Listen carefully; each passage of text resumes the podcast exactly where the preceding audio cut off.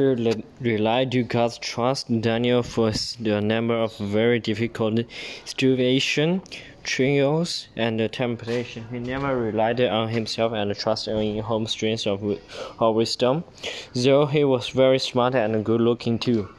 When faced with a dilemma, he prayed to God and asked him asked God to show him favor and compassion. And he served the Nebuchadnezzar, Evil-Merodach, Brazil, and Darian Chorezen, those kings, and uh, steadfast on compression.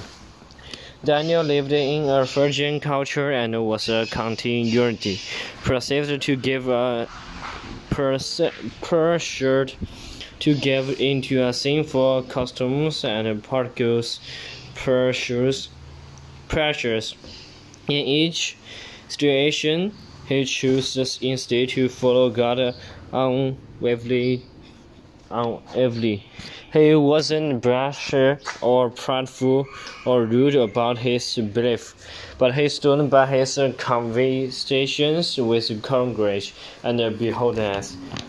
Courageousness. Daniel was very bold. He pronounced the true meaning of dream and visions, even when those would be negative and unpopular. Important acts and events. First, interpret interpreted the dreams of Nebuchadnezzar on two all occasions, interpreted and handwriting on word of Belteshazzar. The lines then the visions of future of the world, the visions about the future of the world.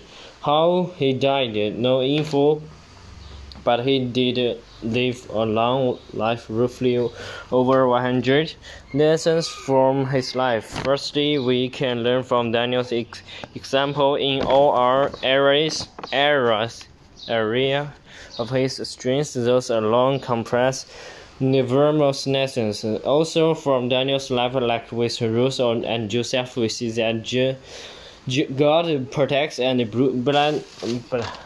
blesses those who seek him and uh, put him first over serenal oceans. Daniel risked his life order to follow the God and God protect him.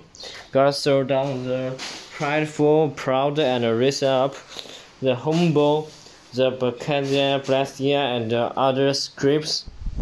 Scripture was over prideful, God punished, passionate of them.